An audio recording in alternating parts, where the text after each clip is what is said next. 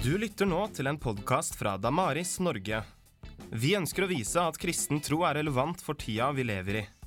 Derfor er vi opptatt av å bygge en bro fra Bibelens verden til vår hverdag, ved å lytte nøye og søke å forstå både bibeltekstene og fortellingene i populærkulturen. Livssynsmangfoldet utfordrer, og vi vil ta utfordringa. Håper du blir inspirert til det samme ved å lytte til oss. Ja, velkommen til uh, søndagsskole for voksne. Dette er den, uh, den første av to uh, søndagsskoler som jeg skal ha for dere. Og det dreier seg om skeptikerens guide. Og i dag vil jeg si litt om skeptikerens guide til tro.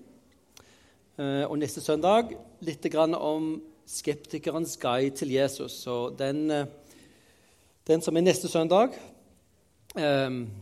kan knyttes til boken til kollega Stefan Gustavsson, som har skrevet nettopp boken 'Skeptikerens guide til Jesus'. Men i dag skal vi snakke litt om skepsis og tro. og Sortere litt i de begrepene for å hjelpe oss til å forstå litt bedre hva, hvordan møter vi skepsis. Hva er egentlig tro? Jeg tror en god del, eh, en god del forvirring, en god del uh, Kommunikasjonsproblemer dukker opp fordi vi bruker disse begrepene. Litt grann ugjennomtenkt. Så se om dere kan ha nytte og glede av uh, dette temaet. Um, og jeg håper at dere skal få tid til, uh, tid til å stille noen spørsmål og slikt. Um, så la oss be sammen.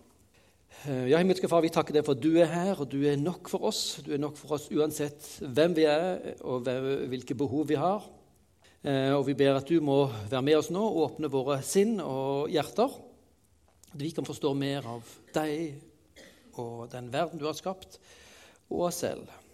Vi takker Herre for at eh, du er nok for oss, både i liv og død, både i glede og i sykdom, Herre. Så er du livets herre takker deg for at du vil være med oss uh, nå. Amen.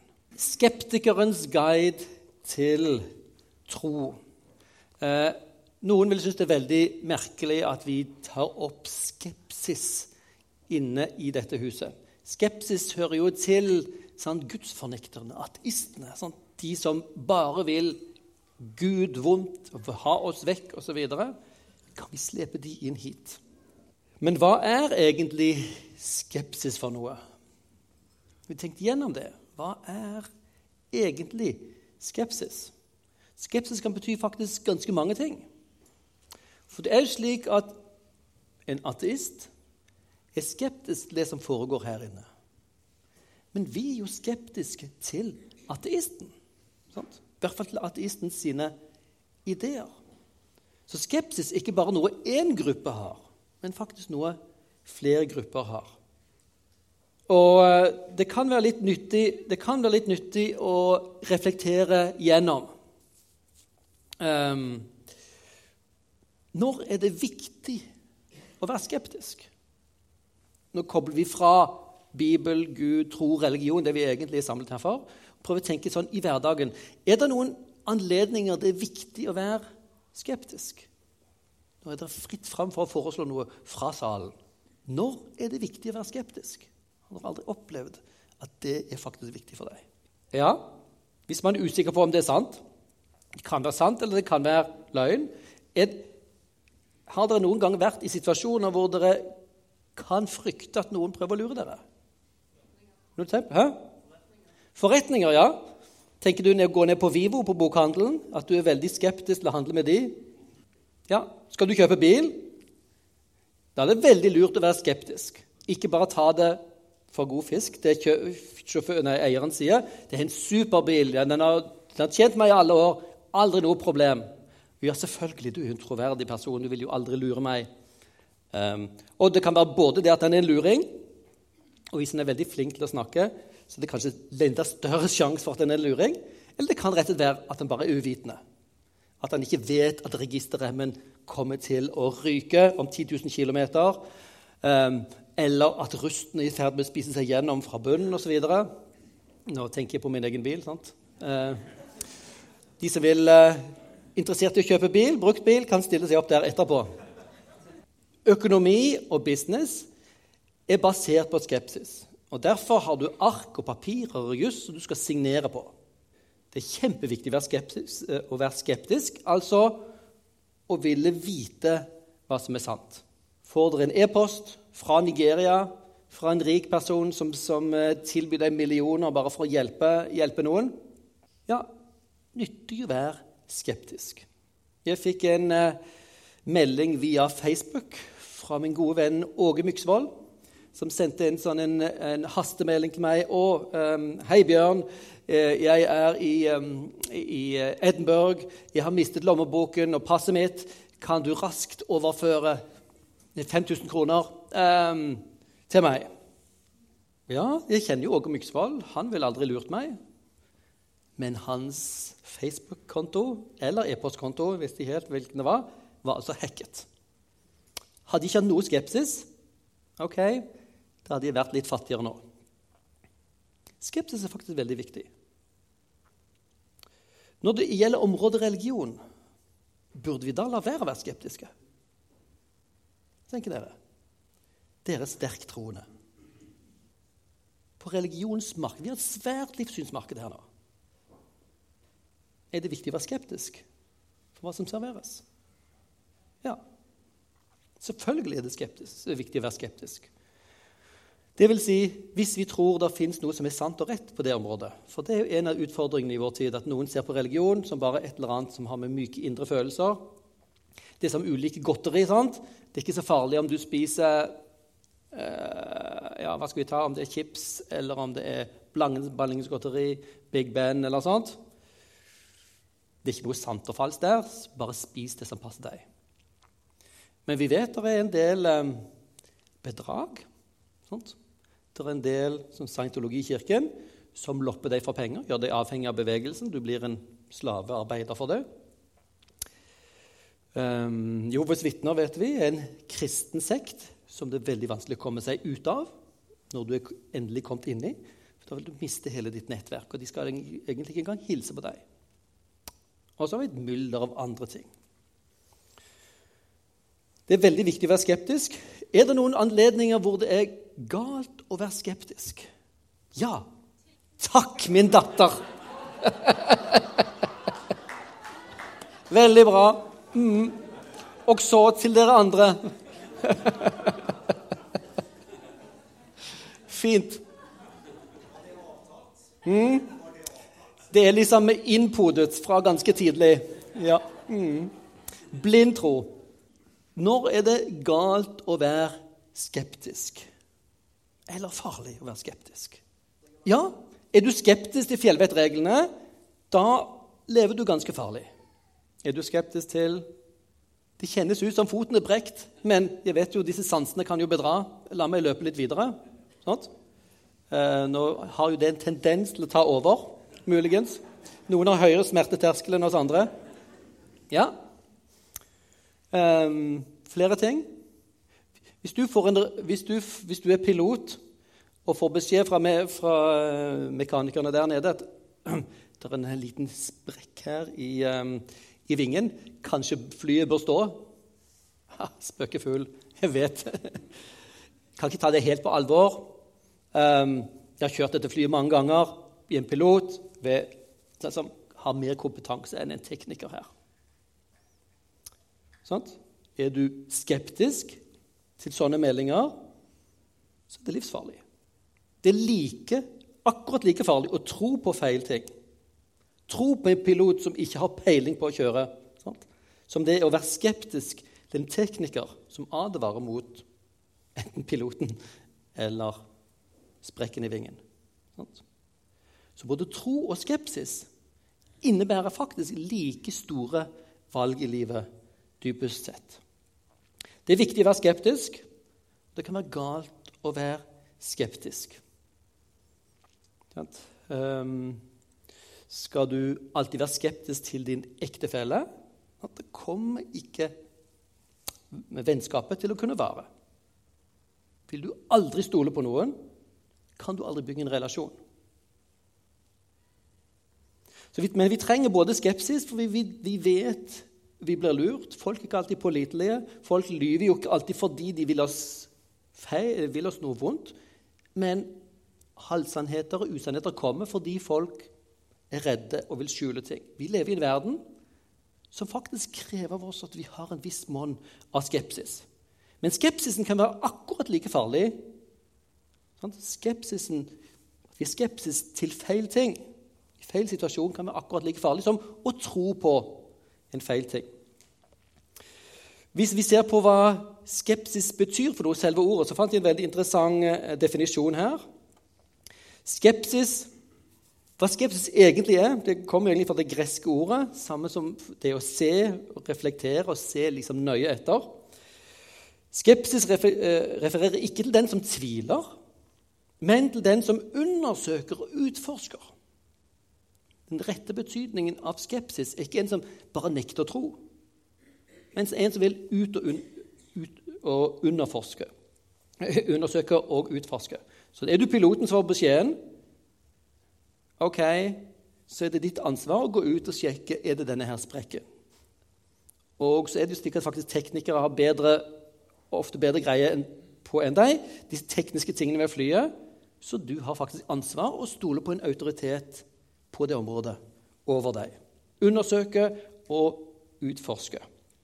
Så motsetningen til skepsis er ikke tro, men motsetningen til skepsis, rett forstått, er en som er bastant, og som, eh, og som bare har gjort seg opp sin mening. Og Dermed så kan vi se at det er mange felles ting med tro og skepsis når vi forstår de riktig. For strengt tatt kan både tro og skepsis være dogmatiske. Og Det er i vår tid vi veldig negative til. Sant? Hvis du har gjort deg opp en mening det er ikke bra, for du skal være åpen. Men skepsisen kan være like lukket og låst dogmatisk som troen, som nekter å høre på noe mer. En uh, ateist som nekter å tro på underet, han har bestemt seg. Hvordan vet han at under ikke kan skje? Det kan han ikke vite før han har undersøkt hele universet. Sånt. Han har bestemt seg. Det kan være dogmatisk. Tro kan også være dogmatisk tro. Jeg bare har bestemt meg for at dette fly kan flyve, og at det er i orden. Begge to kan være dogmatiske. Men faktisk kan begge to også være åpne for å reflektere og undersøke. Du kan ha en skepsis som sier ok, jeg har litt vanskelig for å tro på dette. her. Finnes egentlig Gud? Kan vi stole på Jesus eller evangeliene? Og så faktisk undersøke. Da er du en åpen og redelig person. Du kan være en troende, kristen troende, en ateistisk troende. Du kan være hindu, nyreligiøs. Du kan være både bastant og du kan være åpen. Ja, la meg undersøke. Har denne Jesus levd? Hvem er denne Jesus som dere snakker om? Så Sånn sett vil begge to være negative hvis man er dogmatisk og lukket for å tenke kritisk og spørre seg selv stemmer dette her. Og begge to kan være positive fordi de er åpne for å reflektere og undersøke. En ting til som er en av de viktigste poengene som jeg ønsker dere skal få med dere i dag, er at all skepsis bunner i tro i en eller annen forstand.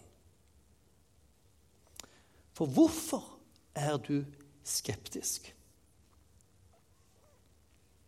Hvorfor er du skeptisk til teknikere når du sitter og er pilot? Er det fordi du er hovmodig og ser ned på teknikernes kompetanse? Så det er en trosforestilling som kan være fullstendig feil. Sannsynligvis er den det, for teknikeren kan sakene sine, sine saker bedre enn du kan hans saker. All skepsis bunner i tro. Si litt mer om det et øyeblikk. Og så er det slik at faktisk i Rett forstått så innebærer all tro også skepsis. Så det du på forhånd tror, det er det som skaper skepsisen til andre ting. Og når Paulus snakker om 'vær kritiske', sant? Ikke la dere drive hit av alle lærdomsvær. Sant? Så er det egentlig for å si vær skeptiske. Undersøk kritisk. Stemmer dette? her? Stemmer det med Skriftene? Stemmer det med det jeg har fortalt dere? Vær skeptiske. Tro og skepsis er ikke altså to forskjellige fenomener. Det er tett vevd sammen. Tro innebærer skepsis, og vi trenger faktisk både tro og skepsis. Det mener jeg både i hverdagen. Vi trenger å stole på noen. Uten tro kan vi ikke stå opp om morgenen engang. Og så trenger vi skepsis sant? for å finne ut Ja, denne gamle middagen jeg tok ut her Det at den er litt grønn skjær i fargen, det er vel ikke farlig, det? Gamle løkemiddager skummelt. Jo, vi trenger skepsis i hverdagen, vi trenger skepsis i vårt åndelige liv. I rett monn, på rett sted, i rett sammenheng. Og der er det denne boken eh, kommer inn, den som vi eh, selger her ute gjennom Damaris. Den heter Gud. Kristen tro møter moderne skepsis. Eh, Tim Keller er en pastor, amerikansk pastor som eh, bestemte seg for å bygge menighet i New York, som er det vanskeligste stedet i USA. Et av de vanskeligste stedene å bygge menighet fordi New York er så skeptisk. De er spesielt skeptiske til kristendom. Man er kanskje ikke så skeptisk til nyreligiøsitet og folkereligiøsitet og slikt, men spesielt skeptisk til kristendom. Han fikk et kall til å bygge menighet der. Nå har dette blitt flere menigheter som stadig vokser. Og det som han har erfart som pastor og formidler, er at han, når han skal formidle til moderne mennesker, moderne skeptikere, så må han begynne der hvor de er. Han begynner med skepsisen, begynner med spørsmålene. Og så stiller han spørsmål til spørsmålene. Første del av denne boken dreier seg egentlig om skeptiske innvendinger til kristen tro, som er utbredt både i New York og her i Kristiansand. Her ser dere noen av disse kapitlene i boken. Sånn tenker moderne mennesker. Det kan vel ikke være en sann religion? Nesten umulig å tenke det. Dessuten høres det intolerant ut. Så man kan liksom ikke begynne engang å lytte til denne her veldig arrogante kristenkampanjen. Sant? Det er veldig vanskelig for moderne mennesker å akseptere tanken at det kan bare være én sannhet. En god gud kan vel ikke tåle lidelse? Kan vel ikke tillate lidelse? Kristendom er en tvangstrøye. Hvis de blir kristen, ah, mister de alle gledene i livet. Vitenskap har motbevist kristendommen, eller Bibelen basert på legender. Underet er umulig. Det som er viktig å, å merke seg her, og det, det, som han gjør, er det som vi, vi i eh, akademia ønsker å kalle, eller gjerne kalle dekonstruksjon. Ta fra hverandre. Ser på ideen så tar han bitene fra stille spørsmål og tar bitene fra hverandre.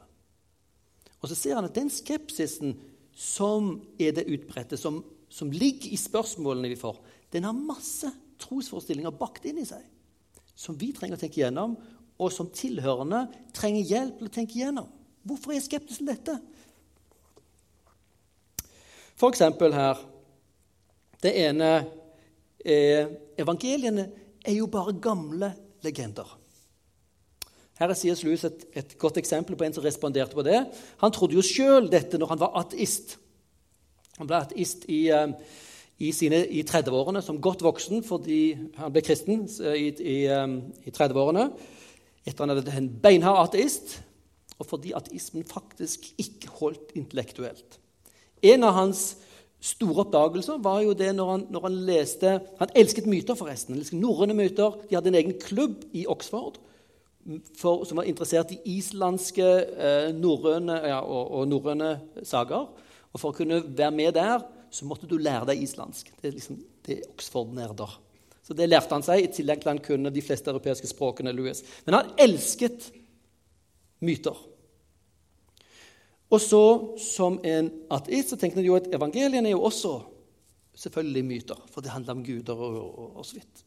Så videre. og så begynte han faktisk og se nøyere på dem. Sånn, disse evangeliene Det synes å være myter i den forstand at de svarer på de største livsspørsmål. Hvor kommer vi fra? Hvor går jeg hen? Finnes det en mening? Er det noe å leve for? Det finner du svar på i evangeliene. Men det merkelige er at disse evangeliene har ikke preg av å være myter. Alt det han kjente til av myter, hadde et helt annet preg. Dette hadde preg av å være historiefortelling. Evangeliene er skrevet for tidlig til at de kunne være legender. For nært til hendelsene. Hvis du tenker som historiker. De har preg av historiefortelling, biografier. Nå er teologene enige i dag om, forskerne, at dette her evangeliene er nærmest biografisjangeren fra antikken. I min studietid på 80-tallet så lærte vi teologer at evangeliene nei, det er en egen type litteratur du kan sammenligne med noe annet. Jesus-fortellinger i evangeliet er en egen sjanger.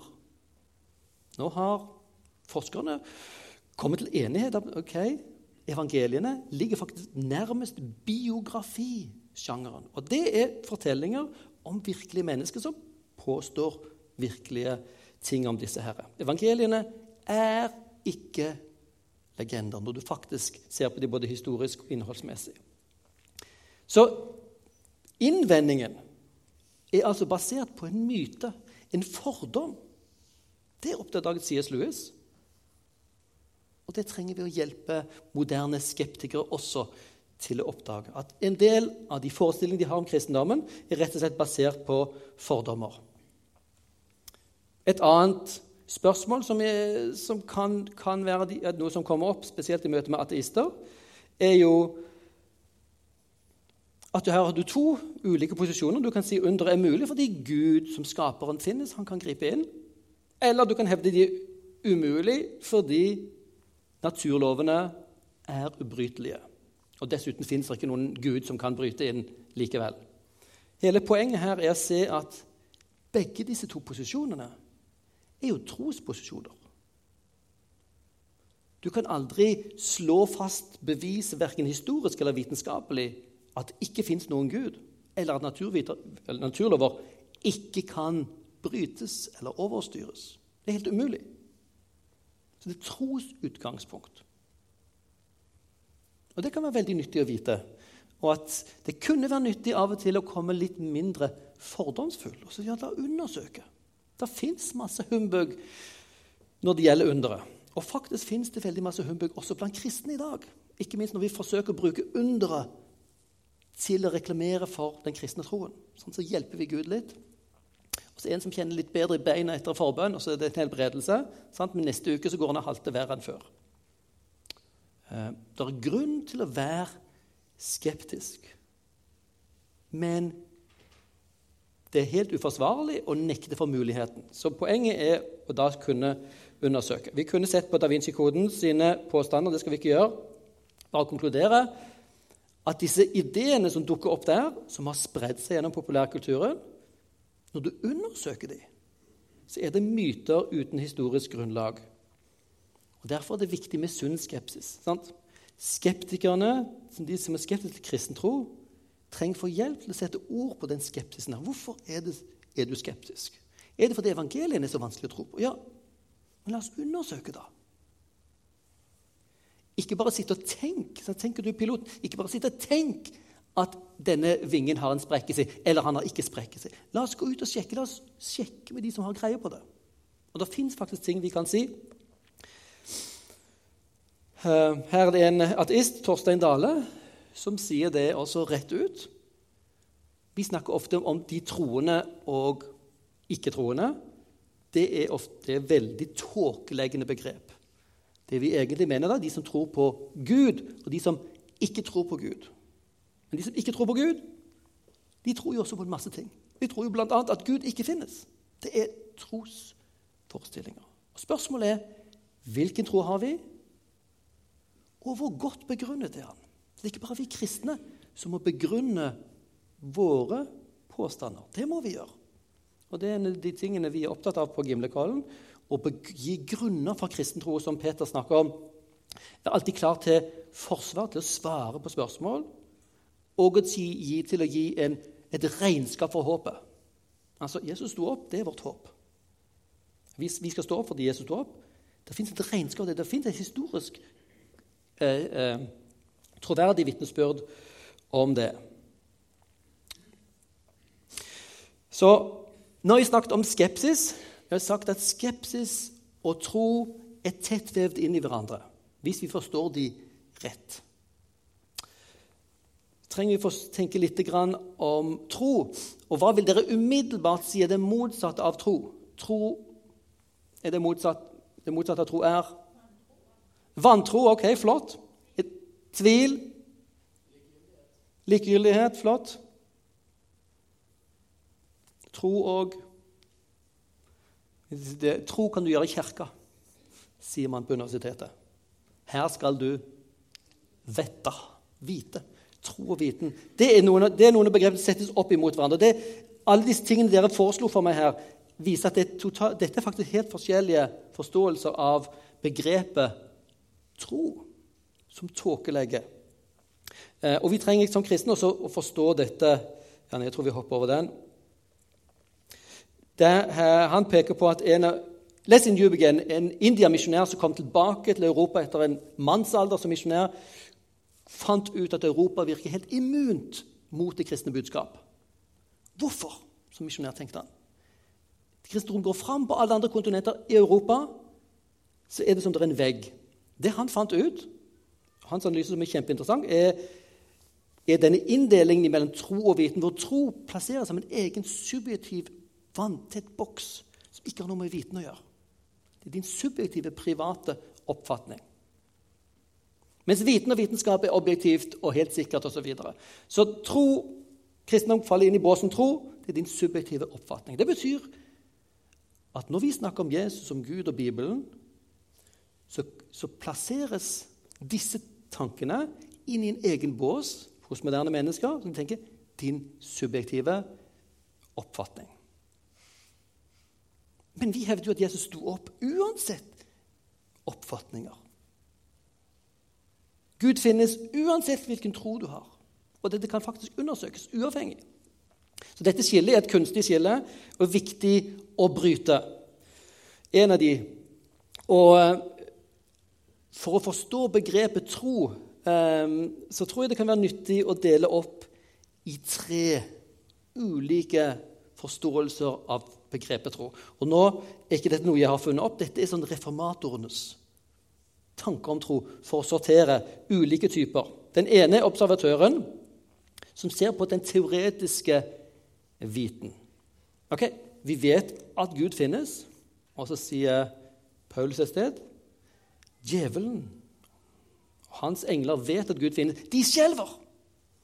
De har teoretisk viten. De tror at Gud finnes. Men det er ikke noe frelsende tro. En teoretisk viten om en ting, til og med Guds eksistens, har ingenting med frelse å gjøre. Okay, hvis du ikke tror Gud ikke finnes, er det vanskelig å komme videre. Men teoretisk viten er, har ikke med dyp forståelse av kristen tro å gjøre. Det andre, som vi ofte vektlegger i dag, det er å være en Jesus-fan, tilhenger, og vise at du, vise at du uh, følger Jesus, at du liker han osv. Mm, er det tro? Ja, det er et personlig engasjement. Du vil vise hvem du hører til. Du vil tjene Gud. Sant? Og Der har du både vet du at han finnes, og du bøyer deg for han, ikke sant? Og du vil tjene han. Ja, det er tro. Det som Luther oppdaget, og som var en av grunnideene hans, var at dette er ikke den form for tro som det snakkes om i Bibelen. Når det står at vi blir rettferdiggjort, vi blir frelst ved tro. For du kan løpe rundt og tjene og jobbe for Gud så mye du vil, men det frelser deg ikke.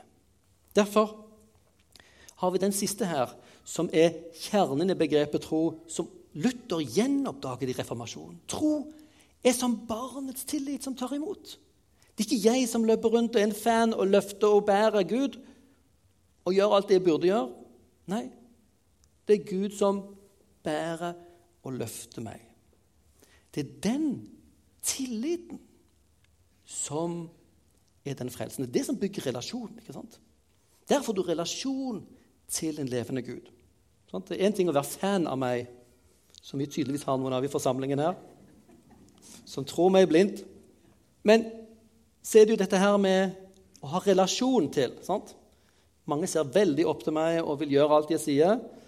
Sant? Og det vi også ønsker, er å ha en relasjon. Sant? Å bli kjent og være trygg. Det er den frelsende troen. Og ser dere her at Når vi snakker om den frelsende troen, så mener vi ikke å vite at Gud eksisterer, så du er frelst.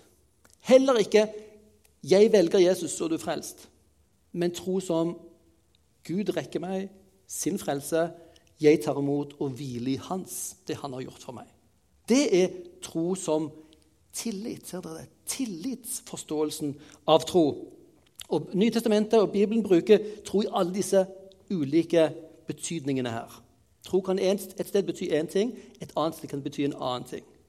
Men kjernen i det, i det som har med frelse å gjøre, ligger på tillitsforståelsen. Da forstår vi at alle har jo tillit til noe. Alle forankrer vi vår tillit et eller annet sted. Til fins en Gud, fins det en mening? Hvis du vokser opp og ikke kan ha tillit til foreldre, den sammenhengen du vokser opp i, ja, da blir du skadet. Det finnes sånne mennesker som har det vrient og får det vrient. Hvem kan de stole på? Vi trenger tillit. Det som er her med hvordan Jesus møter det Herre, som vi skal se litt mer på neste gang, er at Jesus er en som møter alle disse her tre elementene, forener de i sin person. Både har han gitt oss dokumentasjon på at han ikke bare eksisterte, eksistert, men han døde. Og han sto opp igjen, og det er vel bevitnet. Du kan ha teoretisk viten som faktisk? Det slår egentlig fast dette er veldig troverdig. Du kan ikke bevise det, men det kan du ikke bevise snaut din egen eksistens. strengt tatt. Jo, det er godt bevitnet. Det er troverdig. Det er frelsingen, men det er kjempeviktig. For hvis du vil følge Jesus, så må du jo tro han finnes. Da går vi til andre. Jesus kaller oss til å følge han, sant? til å tjene han. Til å leve ut den troen sant, som han gir oss. Og så ligger kjernen i det tredje. At frelsen vår ikke basert på verken argumentene for Guds eksistens eller at Jesus har stått opp igjen, eller at vi er Jesus-fan, at vi, vi, kaller oss for kristne. Men det siste sånn, tilliten til at hans død er det som bærer meg. Det er tilliten som er den sentrale forståelsen av tro i Bibelen. Yes. Jeg tror vi um, um, tar en stopp der, og så bare høre om det er noe spørsmål eller tilbakemeldinger. Og så vil jeg avslutte med noen få um, slides etterpå. Så hvis vi har fem minutter med innspill nå, skal jeg ta tre minutter med en avslutning. Det, det, det, var jo interessant. Kan vi sette en stopper foran? Det var jo en interessant måte å formulere spørsmålet på. Ja, det fins en sånn våpenhandler her et eller annet sted, så hvis, hvis det er alvorlig, så eh, det, det, som, det, som, jeg tenker er veldig nyttig i sånn debatt, eh, og ikke minst den, den, debatten om kristendom her, at kristendom blir angrepet For det første skal vi se, det, se på det som en anledning for oss til faktisk å kunne Vi har rett til å svare. Sant? Folk liker ikke masse andakt i avisen, sant? og kristne skal proklamere sin mening. Men hvis vi blir angrepet, så gir det faktisk oss rett, også journalister, sant? til å respondere. Vi får faktisk eh, ørene til folk. Sant? Det andre er at vi skal tåle det. Det er en ting vi skal bære for Jesus. Sant? Og vi får ikke alltid svart. De tas ikke inn, våre svar alltid i avisen heller. Men en av de tingene vi kan gjøre i debatten, er å påpeke at sånne anklager ofte bærer med seg hauger av fordommer og misforståelser. Ikke sant? og være med og rydde og si ja, det er veldig flott at du kritiserer. Nå vet jeg ikke helt hvilke ting det er han har grepet fatt i. Men la oss høre hva du sier her. Vi tror ikke på det du, du hevder her.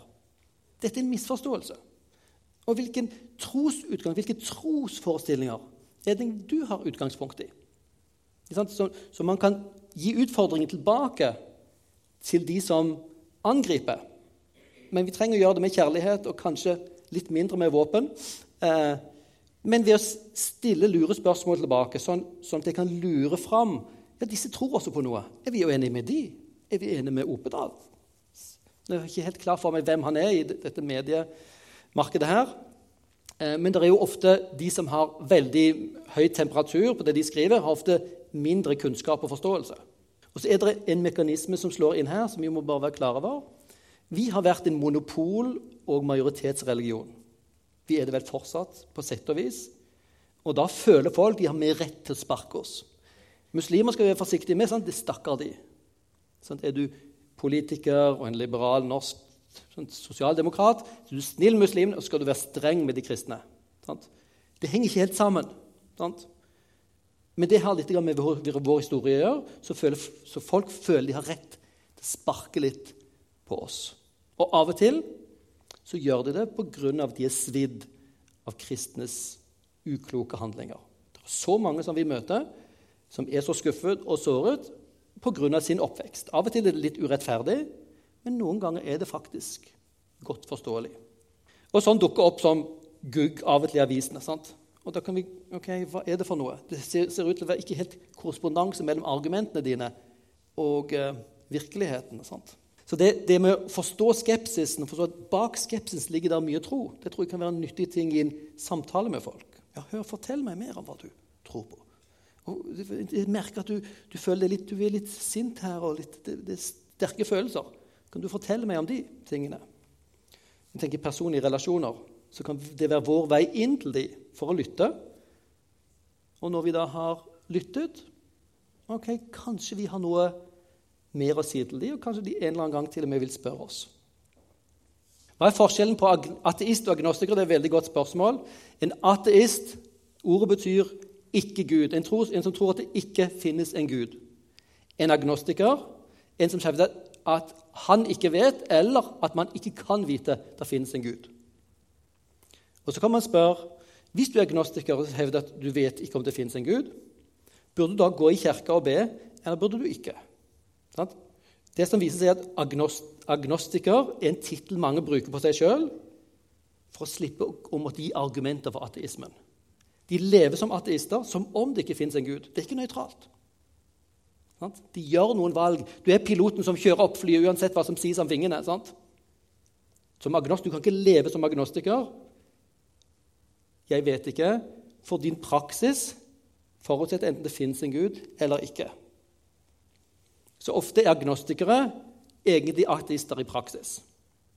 Men de har funnet ut at det intellektuelt sett er uhyre vanskelig å forsvare ateismen som ståsted. Derfor ser dere de fleste moderne ateister, humanetikere, heller vil kalle seg agnostikere. Intellektuelt sett er det kjempevanskelig. Ja. Et til, ja. Jeg skal gjenta det du sa. Vi, vi må huske at vi, le, vi lever i et, i et samfunn med ytringsfrihet og trosfrihet. Og det er veldig viktig å akseptere det fra alle sider. Eh, at ikke vi, at ikke vi eh, angriper tilbake eller prøver å snevre inn andres frihet til å ytre seg. Og Det tror jeg er veldig viktig. Nå har vi også den eh, Charlie Hebdo-saken. ikke sant? Karikaturtegninger. Vi har jo levd med latterliggjøring av kristentroen. Sant? Helt fra kristentroens start. Og korset, hva er det for noe? Det er hån. Jesus hang der naken. Sant? Så den ydmykelsen der, i en sånn kultur, er jo ikke mindre sterk enn døden og, altså, av de andre elementene av Jesu lidelse. Det er skam. Tråkka på. Eh, vi er vant med det. Sånn er det mennesker gjør. Vi vil forvente det. Men vi kan godt påpeke, vi kan godt liksom sette um, uh, si, hatten på, eller påpeke hva slags type kritikk er det her. Ofte er kritikken lite saklig. Og Da burde vi kristne være forbilder i å være saklige og prøve å vise respekt og prøve å lytte. Det er vanskelig. sant? Um, men eh, med, på Medieskolen med, med, journalistikken det er en av de tingene vi forsøker både å hjelpe kristne og ikke-kristne til. å Prøve å tenke klart. Og en av de tingene vi, vi underviser, vi hadde eksamen her på torsdag i medier og livssyn. En av de tingene vi forsøker å undervise de i, er at alle har et livssyn. Alle har en tro. Så det er ikke bare de troende. Det er ikke bare religionskritikk som vi skal være for. Det er viktig at vi er for religionskritikk. Tenk om religionskritikken blir stoppet. Tenk om vi ikke får lov til å kritisere islam. Sånt? Som kunne skje som forsøk på å, å, å, lage en sånn lov i England for en del år siden. Det ville vært katastrofalt. Vi må ikke prøve å stoppe religionskritikken. Vi må forvente den, og så må vi, være, må vi respondere på den. Um, alle har en tro og ulike livssyn og livsforståelser. Eh, og da begynner man å se at ok, vi trenger kritisere alle livssyn på kryss og tvers. Ateismen må kritiseres. Og så begynner man å reflektere over når man kritiserer et annet posisjon, hva er utgangspunktet? Ja. Og alle livssyn har da rett, alle posisjoner har rett til å komme inn der og så skal respektere andres rett. Eh, det er en flott mulighet for oss. La meg, la meg nå bare avslutte, siden mobilen min er 1334 vil jeg bare ikke ta den. Ai, ai, kom videre her. Der. Fortellingen om Thomas som var skeptiker. Skeptikeren Thomas. Ikke sikker på at skeptiker er det rette ordet for han. Um, hvor han sier 'Jeg vil ikke tro før jeg får se sårene og sette fingrene i neglemerkene' og så sidesåret og stikke hånden inn i, inn i spydsåret. Um, og det som er interessant her, at Jesus sier to ting til Thomas. 'Kom med fingrene dine. Se her, hendene min.' Jesus inviterer til å bli undersøkt på en helt annen måte enn Muhammed og Buddha og de andre. sånt. Helt annet. Kom og se. Kom ned, kom med hånden, stikk den i siden min, og vær ikke vantro, men troende.